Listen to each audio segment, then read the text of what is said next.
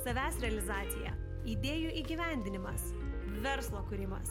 Tai raktas į spindesi, kuris aplanko darant tai, ką labiausiai mylime. Čia She's Glowing podcastas. Nuoširdžiai dėkoju mūsų podcastų remėjams Odorė Damorė. Tai geriausia vieta atrasti nišinę parfumeriją, kuri atskleis jūsų sielą bei asmenybę. Mano mylimiausias kvapas šiuo metu Cherry Punk, kurį jau galite rasti parduotuvėse Vilniuje bei Kaune arba odoredamorė.shop. Sveiki įsijungę šį Glowing podcastą. Šiandieną šalia manęs Goda Litvinaitė Aleknė, keramikė lipdantis skulptūras, kurios gali praturtinti interjerą namuose ar ofise. Taip pat ji yra ir Ledijos Alekna bendrai kurėja. Sveika, Goda. Labas, Davilė.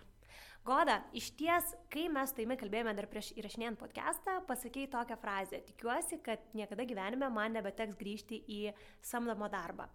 Tai samdomam darbė tu praleidai ketverius metus, o dabar dirbi savo jau kiek metų? Mm, nuo 18 metų, man. Taip panašiai, irgi maždaug ja. tiek pat metų tu dirbi į samdomą darbą ir tiek pat metų dirbi savo.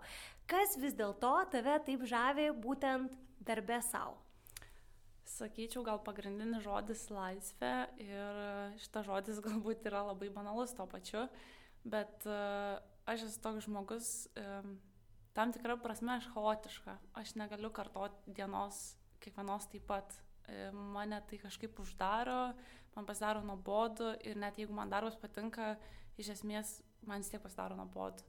Tai dirbant savo, tu dėliojasi tą laiką, kada tu nori, kaip tu nori, tu gali tas dienas pasidaryti labai įvairias. Tai mane tas labiausiai žavi. Ne pats tas, kad ale atrodo, kad mažiau čia dirbsi, kai savo dirbi, tikrai ne, bet va, ta būtent laisvė planuotis dieną. Ar tai ir buvo viena iš pagrindinių priežasčių, kodėl prieš ketverius metus nusprendė atsisveikinti su samdomu darbu ir pasukti kitų kelių? Mm, manau, kad tuo metu mm, buvo kiti aspektai. E, tikriausiai, iš tikrųjų neatsimenu, kodėl būtent taip nusprendžiau, bet, e, bet vienas iš tų aspektų tikrai buvo laisvė. Laisvės traškimas, ar ne? Tačiau nepaisant to, esi sakiusi, kad labai troškai gyvenime užimti vadovaujamą poziciją, nors ir esi, na, ganėtinai kuklė asmenybė, kaip pati save įvardinė, ar ne? Taip. Kaip manai, kodėl tave taip žavėjo tą poziciją? E, manau, kad didelį įtaką padarė universitetas, aš tada mokiausi ISM.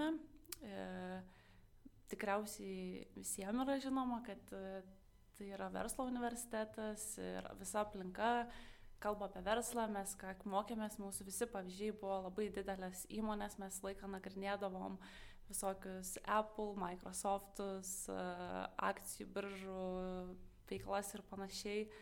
Ir tiesiog e, studijų metais niekas nesakė, kad tu gali dirbti kažką kitokio. Nes tiesiog CEO yra tavo svajonių darbas, to reikia siekti, tai yra geriausia ir taip toliau. Tai manau, e, aš po mokyklos tokia gan pasmetus gal buvau, įstojau į tą universitetą ir man nuo pat pradžių dėgė, kad e, va, čia yra tikslas. Aš tiesiog negalvau tikriausiai, ko aš noriu ir man tai atrodė labai žavinga. Atrodė, čia viską valdai, čia visiems vadovauji, čia visi tave gerbė kažkaip. Tai va taip įsivaizdavau ir dėl to to sėkiau. Wow, iš ties kaip įdomu, ar ne? Ir tai puikiai rodo, kokia iš tikrųjų gali būti didžiulė visuomenės uh, um, kažkokia tai ar ne įtaka priemant savo sprendimus, nes resmė dabar tu nuėjai visiškai kitų kelių tai. ir tavo gyvenimas yra kaip tik pilnas uh, kūrybos ir tu dėliojasi taisyklės savo. Tai iš tikrųjų, na, du tokie labai labai skirtingi pasirinkimai. Kada tu supratai, kad galbūt ta pozicija, apie kurią svajojai, vadovavimas didžiuliai komandai, darbas didžiulėje kompanijoje, yra nebūtinai tai, ko iš tikrųjų trokšta tavo širdis. Galbūt per tas visas patirtis darbo uh, nes aš turėjau skirtingų tų darbų ir e, tiesiog kiekvieną dieną einant į darbą jauti, kad kažkas ne taip, kad nepatogiai jautiesi ir e, gal pradžio aš nurašydavau viską ant to, kad aš kukli, intravertiška, man čia gal sunku kažkaip ir prisitaikyti prie tos aplinkos ir panašiai. Bet tiesiog laikui bėgant, e, dirbi, dirbi, dirbi, dirbi, eina tie metai ir galvoju, na tikrai nenoriu aš taip gyventi kiekvieną dieną. Uh, Ir atsimenu, paskutinis darbas, kuriame dirbau, tiesiog buvo, sakyčiau, prastoj vietoj Kauno ir aš pro langą matydavau e, gamyklas. Ir aš tiesiog žiūriu, sėdžiu prie kompiuterio, dirbu, pasižiūriu, pro tą langą ir galvoju, nei man smagu prie to kompiuterio dirbti, nei man pro tą langą žiūrėti, to, tuose viskas atrodo, čia blogai man yra. Ir, nu, tiesiog nenori keltis, nenori eiti, nieko nenori daryti, energijos mažėja, atrodo, tai tiesiog galvoju, tikriausiai aš netinkama su samdomo darbu ir man reikia eiti tos tinkesnių šiek tiek kelių ir galvoti, ką aš galiu sukurti pati. Mhm. Geras, iš ties labai rezonuoja, manau, ne, ne man vienai, bet turbūt ir daugeliu moterų, kurios klauso ir kurios galbūt galvoja apie kažkokią savo veiklą arba kurios turi tą tokį verslumo geną, kad tikrai dažnai, kaip tu pasakėjai, kad gali jaustis, kad energijos mažėja ir nebūtinai tu padarai tie, galbūt, žinai, kitoje veikloje tu padarai daugiau ir jautiesi energingesnis dienos pabaigoje, negu tada, kai esi tiesiog ne ten, nes būtent turbūt tai, ką mes darom, kas yra ne mūsų, tai labai labai išsunkia energiją. Visiškai. Tačiau visgi priimti sprendimą išeiti iš taip, na, vadinamos saugios pozicijos, ar ne, kur tu kiekvieną mėnesį gali žinoti, ką tu uždirbsi, ką tu gausi ir panašiai, dažnai tai yra nelengvas sprendimas, ypač žmogui, kai atsiranda galbūt kažkokie įsipareigojimai, žmonės ar nebūna pasiemę paskolas. Ir būtent todėl, na, ir tam pačiame šiais glowing klube yra tiek daug moterų, kurios svarsto galbūt apie savo verslą, tačiau tiesiog paprastai bijo. Tai kaip viskas atrodė tavo gyvenime? Ar tai buvo drasus, ryštingas, greitas sprendimas, ar ilgai prie to ėjai? Sakyčiau, ryštingas, bet gal reikia paminėti kad aš neturėjau jokių paskolų, e, mes nuomavomės čia Vilniui būtą, gyvenom e, Vilniui, neturėjau vaikų, ta prasme nėra ko prarast, ta prasme nieko neatsitiks, aš buvau šimtų procentų tikra, kad e, net jeigu ir man nepavyks kažkas, aš susirasiu kažkokį darbą, galbūt vėl samdomą, bet aš e, uždirbsiu tos pinigus, kad galėčiau pragyventi. Ir tas užtikrintumas tikriausiai buvo e, dėl to, kad studijų laikais aš važiavau į Olandiją su dabartiniu vyru, mes važiavom į ūkį dirbti, dirbom baisiai juodai, išvažiavom be nieko, neturėdami daug tų pinigų, padirbom ten savaitę ir sakom, nesąmonė, čia taip visą vasarą dirbti. Ir staigiai ieškom gyvenamos vietos Olandijos Hagos e, mieste didesniam, ieškom ten visiškai be jokių pažinčių, be nieko darbo. Ir mes jį susiradom ir prabom ten e, visą vasarą, tie darbai buvo geresni, nes dirbom kavinėse ten ir panašiai. Ir prasisukom kažkaip ir man tas užtikrintumas, kad, nu gerai, aš blogiausiu atveju eisiu dirbti padavėją ar kažkas, kažkokį nekvalifikuotą, sakykime, tą darbą ir prasisuksiu. Tai dėl to pas mane tikriausiai buvo tas ryštas iš patirties. Ir aš tiesiog paėmiau ir išėjau iš to darbo. Paprastai. Tačiau truputėlį paprovokuosiu. Minėjai, kad, kad tada, kai nutrei priimti šitą sprendimą, tu neturėjai nei paskolų, nei vaikų. Kaip tu manai, ar tave tai būtų stabdę? Ar tu būtum prieimus tada tą sprendimą? Um, manau, kad tikrai būtų buvęs didelis diskusijų klausimas. Um, bet iš kitos pusės aš esu dėkinga savo tevam ir savo vyrui, nes uh, visą laiką jausdavau mm, jų palaikymą ir aš žinojau, kad jeigu kas, nu, jie yra šalia, kurie finansiškai man padės. Nu, ta prasme, aš nesu viena. Jeigu aš net nebūčiau turėjus viso to, manau, kad visiškai kitaip būtų pasisukę viskas. Vis dėlto ta saugumo pagalbė buvo taip, svarbus dalykas, ar neįsivertinti. Taip. Neriai, kaip ir sakėjai, vis dėlto ganėtinai ryštingai, ar ne? Ir kaip atrodė tos pirmosios dienos, kai supranti, kad dabar yra viskas tavo rankose, ar ne? Nėra jokių kitų žmonių taisyklių, tu viską dėliojasi pati, bet tuo pačiu ir esi atsakinga, ką kiekvieną mėnesį galėsi įsidėti savo kišenę. Taip, tai kai išėjau iš darbo, aš turėjau metus laiko, kai kūriau verslą ir tai buvo tas mano verslas kavinė. Tai aš per tą laiką išvažiavau į Prancūziją, į kulinarijos mokyklą, mokiausi būtent to viso meno, e, maisto, kad grįžus galėčiau arba daryti, arba ne. Nu, tiksliau nuspręsti, ar aš noriu tai daryti vis dėlto ar ne. Iš vienos pusės tai buvo sudėtinga, nes e, tu esi pratęs turėti tam tikras atsakomybės, tiek universitete, tiek darbe, tu žinai, kur tu kada turi būti ir tas iš esmės palengvina atsikelti ir padaryti tos darbus. O kai tu nieko neturi ir tiek daug laisvės, tai iš tikrųjų sunku susikurti tą rutiną ir discipliną. Tai aš su disciplina kovoju iki šiandienos tikriausiai, man tai yra sudėtinga užduotis, nes aš galiu lengvai nuplaukti. Tiesiog aš padarau darbus, bet aš juos galiu šiek tiek atidėti, gal į vakarą, dar kažkur, kas nėra palanku, šiaip pačiai gerai savijautai ir panašiai. Tai, tai galbūt tas sunkiausia buvo kaip tu to mokysi, nes kaip bebūtų, jeigu, žinai, va, daug žmonių irgi savo, Dovilė, kaip tu va, išla, visą laiką išlaikai tą motivaciją. Ir mano atsakymas yra paprastas, toli gražu ne visą laiką yra ta motivacija, gyvenime visko nutinka, būna asmenių problemų kažkokiu ar ne, kai dirbti nesinori, būna, na, įvairiausių situacijų, kada nėra tos motivacijos, bet darbus padaryti vis tiek reikia. Tai ar buvo kažkokie dalykai, kurie tau pačiai padėjo vis dėlto įeiti geriau į tą na, rutiną, į kažkokius ar ne, tai įsipareigojimus savo laikytis jų. Padėjo ir manau, kad čia netgi taisyklė - turėti tikslą. Ir kad tas tikslas nebūtų toks protiškai sugalvotas, kad va aš dabar to darysiu, o iš širdies tu pajunti, kad tu tikrai to nori ir tai tampa tavo to tikslu, kur tu eini. Ir tu tiesiog žinai, kad jeigu tu kažko nepadarysi, tu nepriartėsi prie to tikslo. Tai man tas labiausiai padeda iki šiol. Ir taip atsiranda ta motivacija ir užsikuria jinai, kai, kai būna ir nukritus, tai mm, tiesiog jaučiau, kad aš turiu atidaryti tą kavinę, eina laikas, e, senka ir lėšos kažkokios santaupos, e, tai kaip tik sakyčiau, net toks stresiukas paima, kad varyk greičiau daryti, reikia mm. daryti, reikia daryti ir tas man ir padėjo. Esi iš tų žmonių, kurie kaip ir universiteto laikais mėgdavo ar neturėti tą, kad jau žino, kad deadline'as artėja, tai reiškia, reikės griebti už žagų ir reikės kažką daryti, nes nebenusimuilins, ar ne? Taip. Taip, pritariu, kad tikrai savikontroliai tam tikri deadline'ai ar ne gali būti puikus įrankis. Paminėjai kavinę. Tai Taip. dabar dirbi su kūryba, ar ne? Mm, jo. tai o koks etapas buvo čia tavo gyvenime, kuris buvo susijęs su maistu? Aš tiesą pasakius neturiu atsakymų, kaip aš sugalvojau būtent kavinę, kodėl iš visų galimų variantų gyvenime tas verslas, kurį noriu daryti, buvo kavinė. Tiesiog neturiu atsakymų, man tiesiog vieną dieną susišvedė, kad aš turiu išvažiuoti į kulinarijos mokyklą, pasitikrinti save, ar tikrai aš to noriu ir jeigu noriu, tai daryti. Taigi čia tu, išėjusi į samdomą darbą, staiga nunari, kad aš noriu gaminti ir išvažiuoji į kulinarijos mokyklą. Kaip tai atrodė? Ar ta patirtis tave vis dėlto privertė patikėti, kad taip, tai yra tas kelias, kuriuo aš noriu eiti, o gal ne? Nes tikrai neveltui sakoma, kad geriausias būdas suprasti yra vis dėlto bandyti ir tai pamatyti, ar man tinka ar netinka.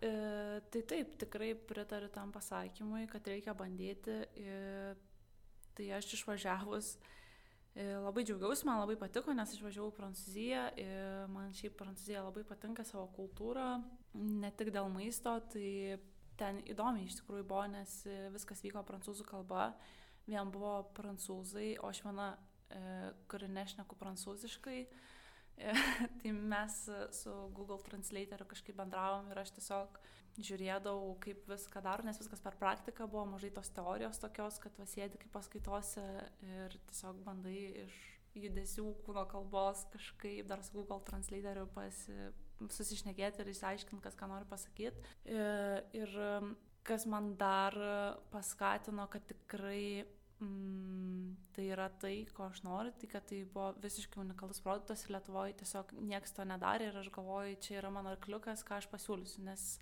kas liečia kavinės, tai vis tiek pagrindė viskas jau yra, e, visokios picos, ten burgeriai ir taip toliau. Kaip atrodė tie pirmieji žingsniai, nes atvirai, na tai tikrai yra turbūt ne vieno žmogaus tokia kaip ir svajonė, ar ne? Vat, tikrai ne vienas žmogus drąsiai sakytų, kad svajonė būtų turėti vat, savo, pavyzdžiui, restoraną. Tačiau praktikoje, kaip visą tai atrodo, kadangi aš truputėlį pažįstu būtent šios industrijos verslą, tikrai žinau, kad tai yra na, viena sudėtingiausių verslo industrijų, kurią iš viso galima įeiti. Tai glamūro ten vis dėlto daug, kaip daugam atrodo, kad svajonių industrija. Tai tas glamūras tai yra tikriausiai keletas tik tai aspektų iš milijonų, kad tarkim tavo darbuotojai žino, kokį maistą tu mėgsti ir tu prašai, kad tu ateini ir tau padaro viską, tas laukia, tiesiog patiekta, viskas jau paruošta, kaip tu mėgsti individualiai. Tai čia tikriausiai vienintelis man buvo glamūrinis e, aspektas. O kai pradėjau daryti, tai, o Jezus, aš stengiausi viską žino, sužinot, aš visus įstatymus skaičiau, maisto higieną, kaip padaryti, koks išplanavimas turi būti virtuviai, visus, visus, visus niuansus, visus įstatymus, aš tiesiog pati skaičiau, gilinausi, žiūrėjau visus leidimus, kad pati galėčiau pasimti, žodžiu, aš įsivaizdavau, kad aš kaip vadovas turiu viską žinoti, e, kad manęs niekas niekur neapgautų ir kažkaip neapmailintų.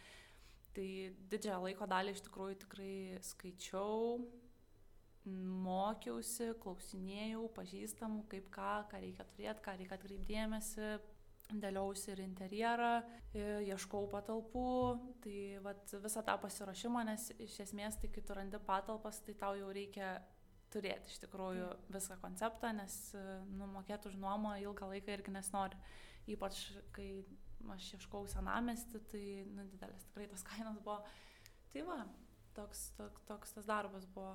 Ar tu turėjai verslo planą, ar buvai, pavyzdžiui, paskaičiavusi, kiek kas kainuos, ar ne? Galiausiai, na, atidaryti restoraną tai ne tas pats, kaip pradėti iš karoliukų verti apyrankės ir pardavinėti. Tai reikalauja, na, tikrai nemažų investicijų. Taip, tai su to verslo planu, tai aš iki šiol nemėgstu žodžio, šitų žodžių verslo planas. Aš toksai žmogus širdies, aš jeigu tikiu, tai tikiu ir man atrodo, ką tu ten priskaičiuosi, jeigu nu, tiesiog, pažiūrėjau, nepais.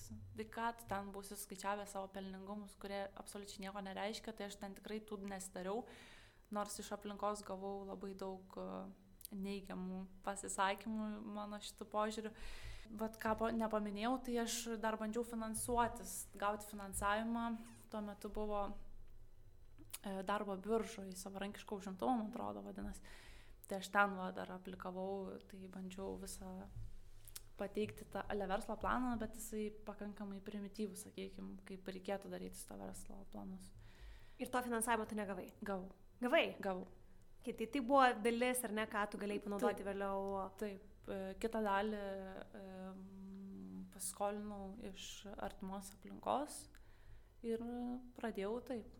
Wow. Na iš ties, vėlgi, tu tikrai toksai žmogus, kaip ir sakai, galbūt nedrasiai asmenybė, bet žingsnius tu padarai tokius tikrai, na, didelius ir net ir kalbant apie verslą, grėbiesi tuo, kuris, na, tikrai yra toksai jau uh, reikalaujantis tikrai ir investicijų, ir, ir, ir žmonių, ar ne, ir darbo jėgos. Uh, Taigi, šio restorano šiandieną nėra, ar ne? Nėra. Kas tave privertė galiausiai priimti sprendimą jį uždaryti? Tai labai daug aspektų. Tai pirmas dalykas, tai šita veikla buvo ne man skirta, e, nes iš esmės tokia kavinė, kokią aš turėjau, ją reikėjo prižiūrėti, administruoti ir panašiai. O aš toks kūrybiškas žmogus, man buvo labai įdomu sukurti viską.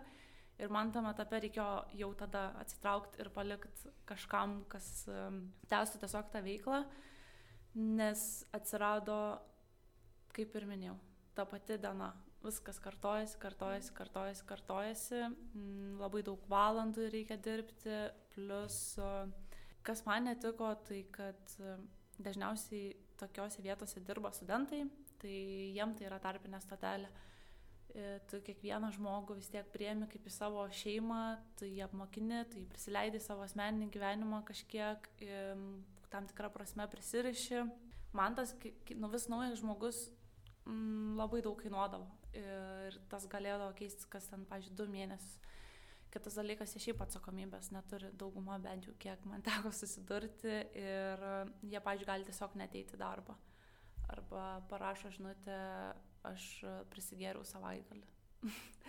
tai tam, ta prasme, aš jaučiausi šiek tiek degraduojanti, būnant tokioje aplinkoje kiekvieną dieną ir neaugant kaip asmenybė. Aš aišku nieko nenoriu pasakyti blogo, bet aš jau baigus buvau studijas, aš norėjau būti tarp žmonių, iš kuriuo aš galiu mokytis, o čia gaunas, kad tu būni tarp žmonių, kuriuos tu turi mokyti. Aišku, man pavyko susiburti tikrai gerą komandą, kuri buvo nuo pradžios iki galo, ta pagrindinė vienas šefas ir keletas padavėjų.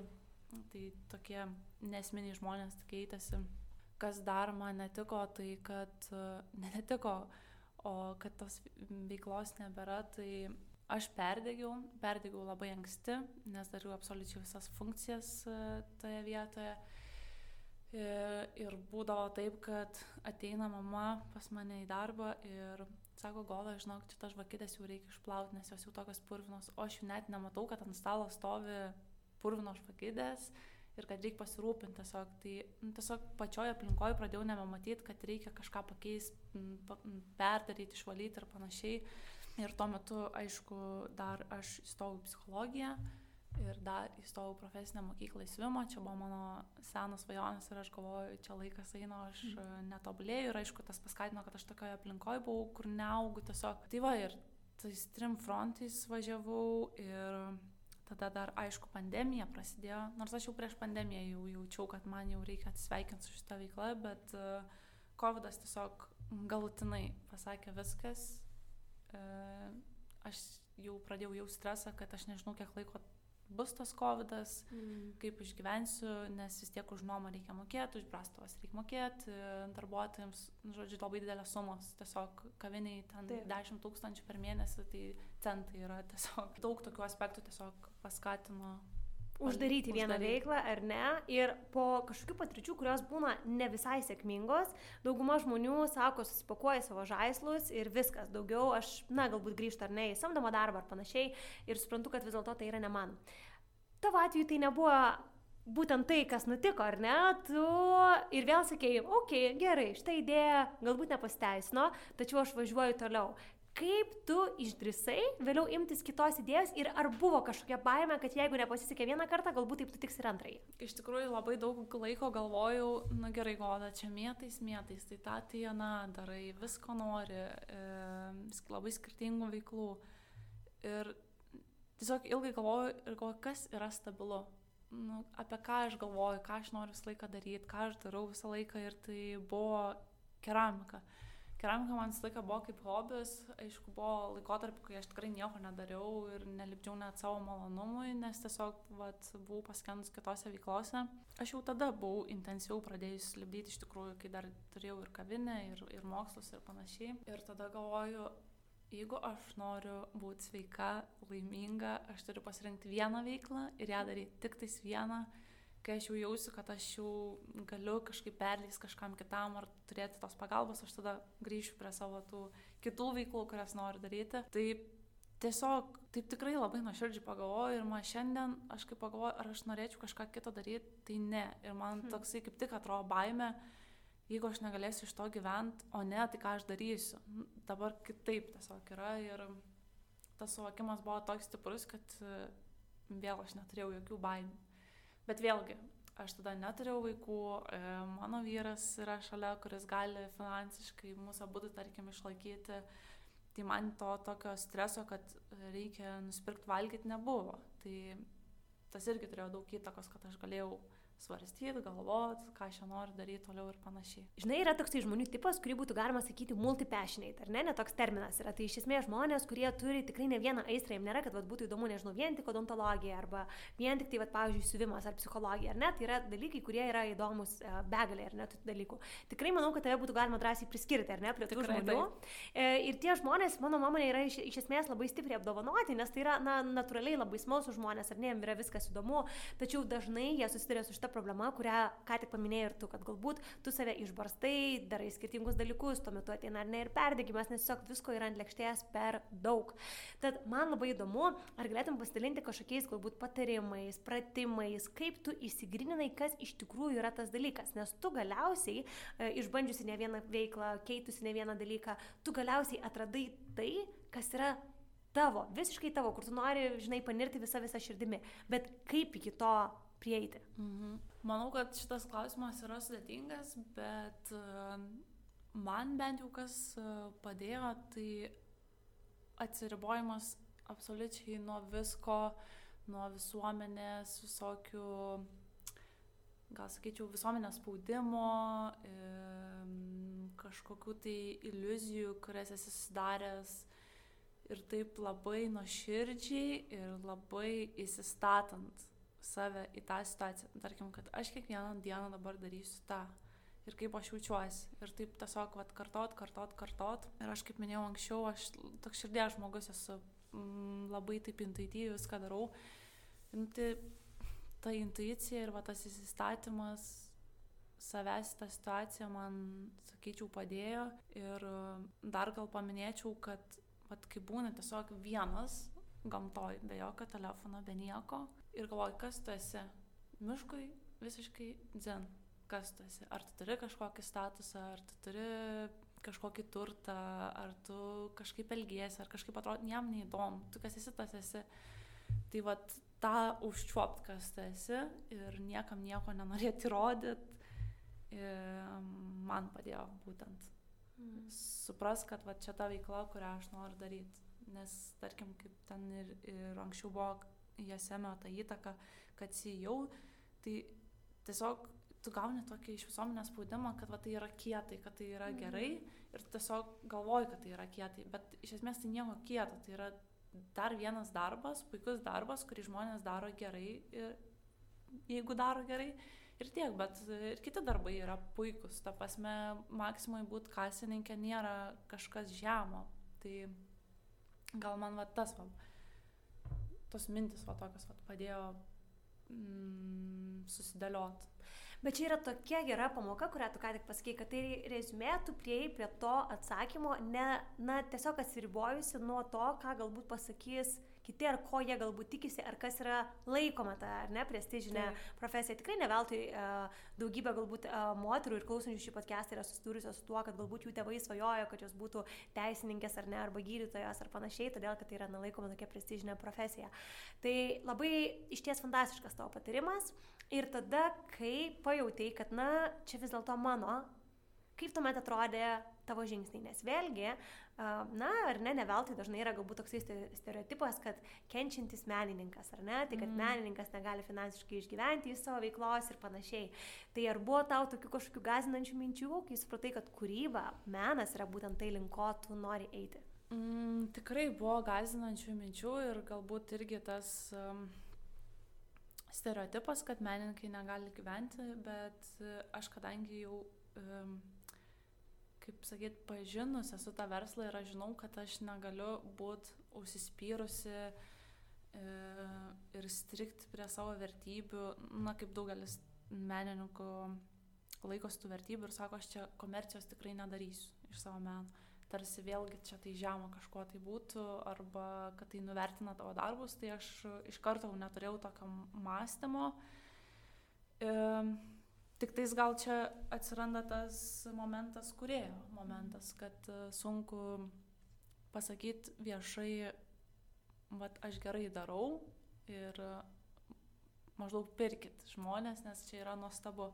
Toks labiau kad va tyliai kažkur ten kuičiuosi, galbūt paviešinsiu tyliai, tai pas mane labai ilgas laikas šito, šito momento buvo, kur aš labai kažkaip kuklinausi ir galvoju, kam čia iš vis reikalinga ta mano kūryba.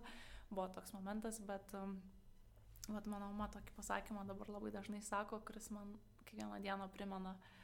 E, ne jos čia žodžiai kažkas kitas yra pasakęs, bet kad pasaulį ir taip ant tavęs nusišikt, negražiai sakant, o tu čia dar kuklinėsi.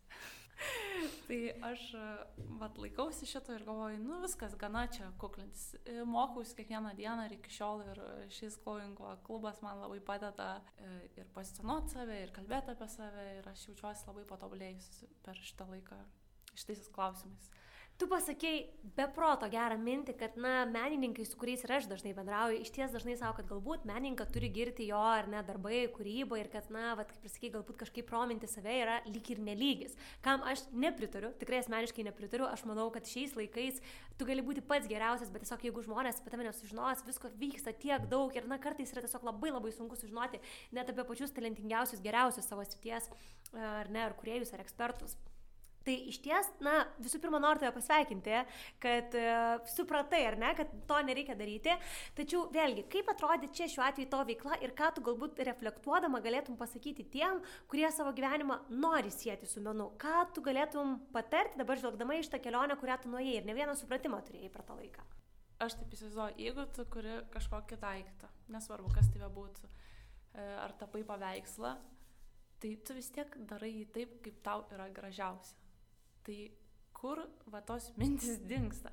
Jeigu tu padarai, ką galėjai geriausia, tai hmm. tiesiog šito nepames. Tu kai darai ir tu žiūri tą paveikslą, tu galvoji, va čia tai bus gražiau, tai bus gražiau, taip gražiau. Ir tu tiesiog visą laiką galvoji apie grožį iš esmės. Tai tiesiog nepamestos minties kūrybos procese ir tą, ką galvoji, taip ir pasakyti. Labai gražus mano tas darbas, nu aš jį dariau iš viso širdies. Hmm. Bent jau aš su šitu susidūriau, man tikrai dingdavo kažkur va tas momentas. Aš kiekvieną kartą žiūrėdama į savo skulptūras, pavyzdžiui, dabar koju, kaip gražiai atrodo, va čia tas linkis gražiai atrodo, čia gražiai atrodo. Ir kai reikia pasakyti kažkam kitam, tai jau viskas. Susikuklini, susimažinti ir atrodo, tai kas čia gražaus. Nu, Tai, bet savo galvoj tai taip galvoj. Nežinau, kaip kitiem menininkam, galbūt jiem būna tas savikritiškumo momentas, galbūt, nežinau, aš su juo nesusiduriu tokiu, e, kai darau savo darbus. Kad susidurdavau, kai jau reikėdavo viešinti, tai tikrai taip, bet e, proceso metu ne. Tai, tai va, gal mano toks patarimas būtų nepamiršti to kūrybinio proceso minčių ir jausmų apie savo darbą ir tai ir ištransliuoti. Hmm, geras, iš ties labai toksai gilus, uh, gili mintis ir labai gilus patarimas. O kalbant apie savo darbų pardavimą, ar tarkim turi kažkokių patarimų čia, kaip galiausiai įsivertinti kainą, mano nuomonė, tai yra be galo sunkus irgi dalykas kiekvienam kuriančiam žmogui. E, Taip sunkus, bet e, manau, kad čia irgi taisyklių nėra. Aš manau, kiek žmogus įsivertina savo tą darbą, tiek jis ir yra vertas. Jeigu žmogus save linkęs nusivertinti, nu, tai čia jau nieks nepadės. Nu, ta prasme, tu turi pats galvot, kad tavo darbas yra vertas, tu esi to vertas. Tai gal čia reikėtų labiau psichologiškai um, dirbti su savim ir uh, tais pat pasitikėjimo savivertės klausimais. E, nežinau, man asmeniškai yra lengva įsivertinti savo tą darbą, e, gal kartais kai kuriem atrodo brangu, bet manęs visiškai tas neišmuša iš vėžių, nes aš galvoju, aš tiek daug energijos įdėjau, aš esu to verta ir viskas. Hmm. Tačiau, pavyzdžiui, ar galėtum skirti, kas yra tavo tiksliniai klientai? Ar tai yra tik tai galbūt, na, kažkokie vienas procentas Lietuvo žmonių ar neturtingiausių, ar kažkaip kitaip tau pavyko įsigryninti, kas tai yra per žmonės? Aš iš tikrųjų nežinau, kas yra mano tikslinis uh, klientas, dėl to, kad yra gal skirtingi tie segmentai, tarkim, vienos kultūros, uh, kur darytos sunkia dėgymo technika, aš jas vertinu žymiai brangiau, uh, tai manau, kad uh, čia jau būtų klientas toksai, kuris uh, mato meninę vertę tame darbe, jisai nori į tai investuoti ir aišku, jo pajamos tikriausiai bus jau aukštesnės, bet to pačiu aš ir darau skulptūrinės vazas, kurios irgi yra skulptūra, jos yra mažesnės, paprastesnės, sakyčiau, gal degimo technika paprasta, tai jos labai pigios palyginus su tom skulptūrom, tai čia jau gali jas nusipirkti tikriausiai bet kas. Tai taip negaliu apibriežti, kas tas mano klientas, visoks jis gali būti, manau, daug, mm, labai skirtingų rėžių žmonės gali pirkti. Darbus. Ir žinau, kad ne tik lietuviai. Tavo darbai yra iškeliavę ir į Ameriką. Kaip tai įvyko? E, Šiaip nežinau, kaip jie atrado, e, tikriausiai per socialinius tinklus. E, neįsivaizduoju, atsitiktinumas tikriausiai kažkoksai, bet aš jau ir iš Ecio žinau, pati dar ten nesu, bet e, iš, iš pa- pažįstamos aplinkos tiesiog žinau, kad e, apskritai amerikiečiai labai vertina tos amatus, jiem tai yra vertinga iš karto, tai, tai manau gal tiesiog jų tas požiūris į tą darbą ir paskatina, vat, kad jie tiesiog pamato, jiem patinka ir jiem nesunku atrodo atsigabenti į Lietuvą tą darbą. O iš esmės, ar plėtra į užsienį yra vienas iš tavo tikslų? Mm, Pagrindinis iš tikrųjų tikslas tik, tikriausiai ne Amerika, nes labai sudėtinga yra su skulptūrų siuntimu tenais, e, nes visgi tai yra labai trapus daiktas, bet čia Europoje tai taip pagrindinis tikslas Skandinavijos šalis dabar yra. Kaip tu dėliojasi savo strategiją, galvodama, kad nori eiti į Skandinavijos šalis? Vėlgi, ar tai yra labiau vat, pajūtimas, ar čia jau vis dėlto reikia tos strategijos, ar ne? Nes užsienio šalis ir plėtrai jas yra tikrai svajonė, na, nemažai dalių, da, daliai kuriejų, tačiau dažnai tie žingsniai galbūt yra, na, sudėtingiau susidėliojami. Šiaip sakyčiau 50 ant 50 pajūtimas ir 50 tokia gal analizė, e, nes skandinavai apskritai irgi jie mėgsta kitoniškus daiktus. Čia aš jau nekalbu tik tais apie skulptūrą savo, bet kai mes su vyru kartu darom baldus, tai pataiko jų šiaip stilistiką. Mm, Tai manau, tas žinojimas, kad jiem tai patinka, jiem tai yra gražu, paskatina būtent ten, apie tą šalis galvoti tiesiog. Plus, e, manau, kad e, jų pragyvenimo lygis yra daug aukštesnis, tai jiem mūsų baldai ar skulptūros iš vis net nėra brangios. Jiem tai, manau, net pigu yra. Dabartinę savo veiklą tu vystai su savo antraja puse. Taip. Kaip tai nutiko? tiesiog kūrėme savo namus, įsirenginėjom ir mes abu esame labai kūrybiški žmonės. Pradėjom ieškoti visokių kavos staliukas, šoninis staliukas prie lovos.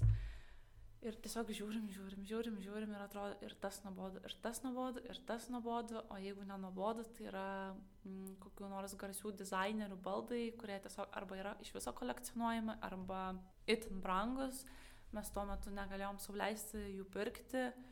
Ir tada, o gal pabandom tiesiog patys pasidaryti.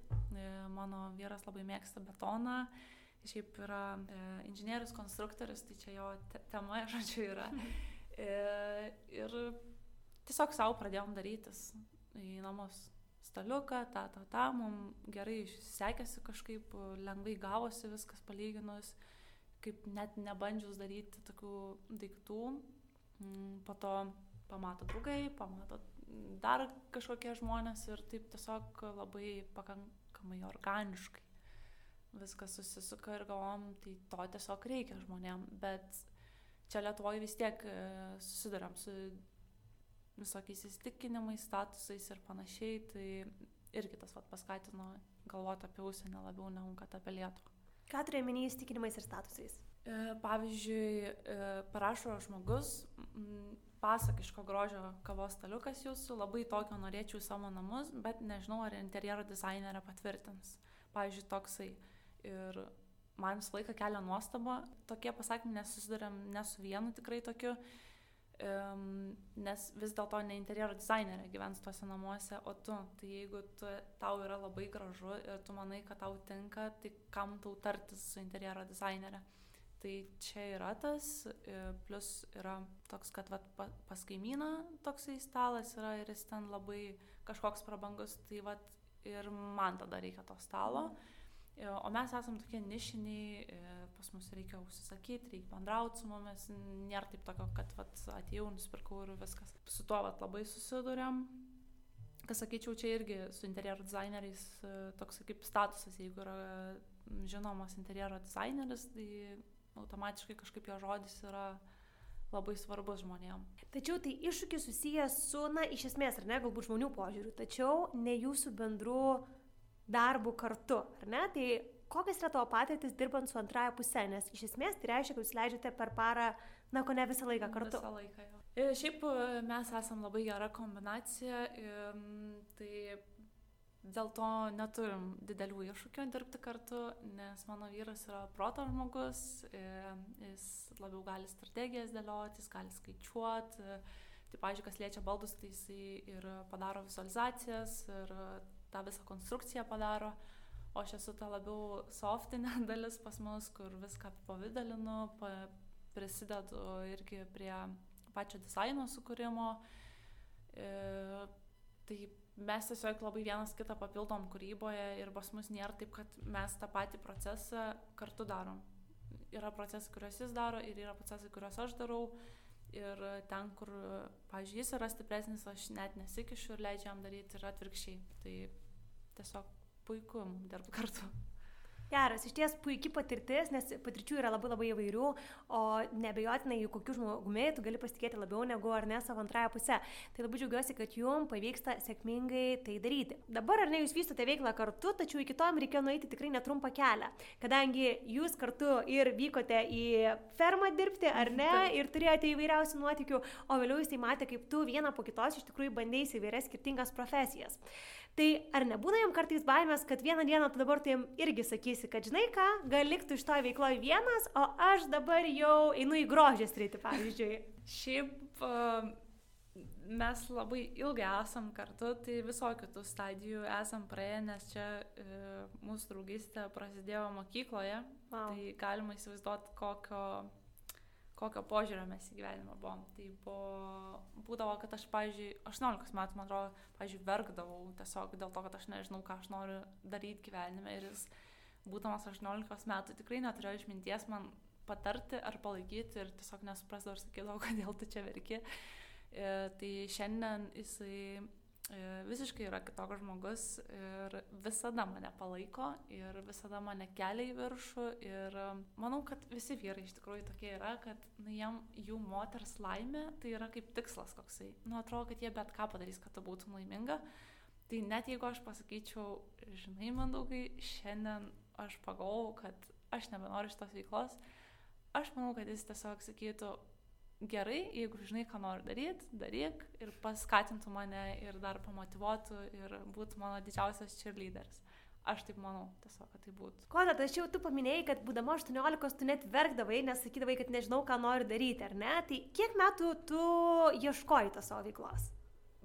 Manau, kad iki keramikos aš ieškojau, plaškiausi, bet čia va tas ir yra, kaip paminėjai, tas multipešinant žmogus, aš tiesiog daugam esu gabi, manau, ir turiu talentų ir tiesiog tas vat išmuša. Aš žinau, kad aš galiu būti gera psichologė ir aš manau, kad aš per to grįšiu. Aš taip pat galvoju, kad aš galėčiau kurti drabužius ir galėčiau kurti juos tikrai įdomius. Pas mane taip yra, tai tuo metu tiesiog galbūt, kai buvau 18, aš turėjau per mažai patirties, mažai pasitikėjimo, mas... Mm, kaip pasakyti, nieks nepalaikė, nieks ne, ne, nepadėjo pažinti savęs, tai aš tiesiog viena ir verkdavau. ką man dabar daryti su tuo visu, ką aš turiu. Na, o dabar praėjus tokį kelią nuo tos godos, kuri būdama 18 verkė, kad nežino, ką veikti, iki dabar supratai, kad supratau, kad esu labai kūrybiškas žmogus ir tiesiog turiu nuolatos kurti, kad uh, būčiau laiminga. Goda, fantastika. Tad pabaigai tik noriu paklausti tavęs, kokiais ateities planais gyveni. Gyvenu uh, dėliojimusi, kur padaryti parodas ir kaip jas padaryti. Daug labai kūrybos, nes noriu kuo daugiau prikaupti ne pardavimui, o būtent parodom uh, darbų. Taip pat kartu su vyru norim save jau pristatyti būtent tose Skandinavijos šalyse, tai būtent e, Norvegijoje, mugėje e, dizaino, tai jai ruošiamės irgi, kad susidėliot visus e, momentus, kad būtume tikrai stiprus tenais tai sakyčiau labai daug kūrybos ir planavimo e, dėl savęs viešinimo ir pristatymo tiek Lietuvoje, tiek e, vat, Norvegijoje. Iš viso širdies linkiu, kad jums abiems visos šios idėjos ir tikslai taptų realybę ir tikrai nebejoju, kad taip ir bus, nes akivaizdu, kad dabar abu esate atradę savo kelią, o dažniausiai būtent taip gyvenime viskas ir dėliojasi, kad atradus savo kelią viskas klostosi iš ties labai labai sklandžiai. Tai ačiū, kad buvai čia ir didžiausios sėkmės. Ačiū tau, Davilė. Ačiū, kad klausysi šio šiais Glowing podcast'o. Jei nori daugiau įkvepiančių istorijų, žinių, bendrystės, renginių ir kitų nuostabių privilegijų, kurias gali gauti būdama šiais Glowing klubo nare, keliauk tiesiai į www.sheisglowing.lt ir tap mūsų klubo nare. Pasimatysime ten.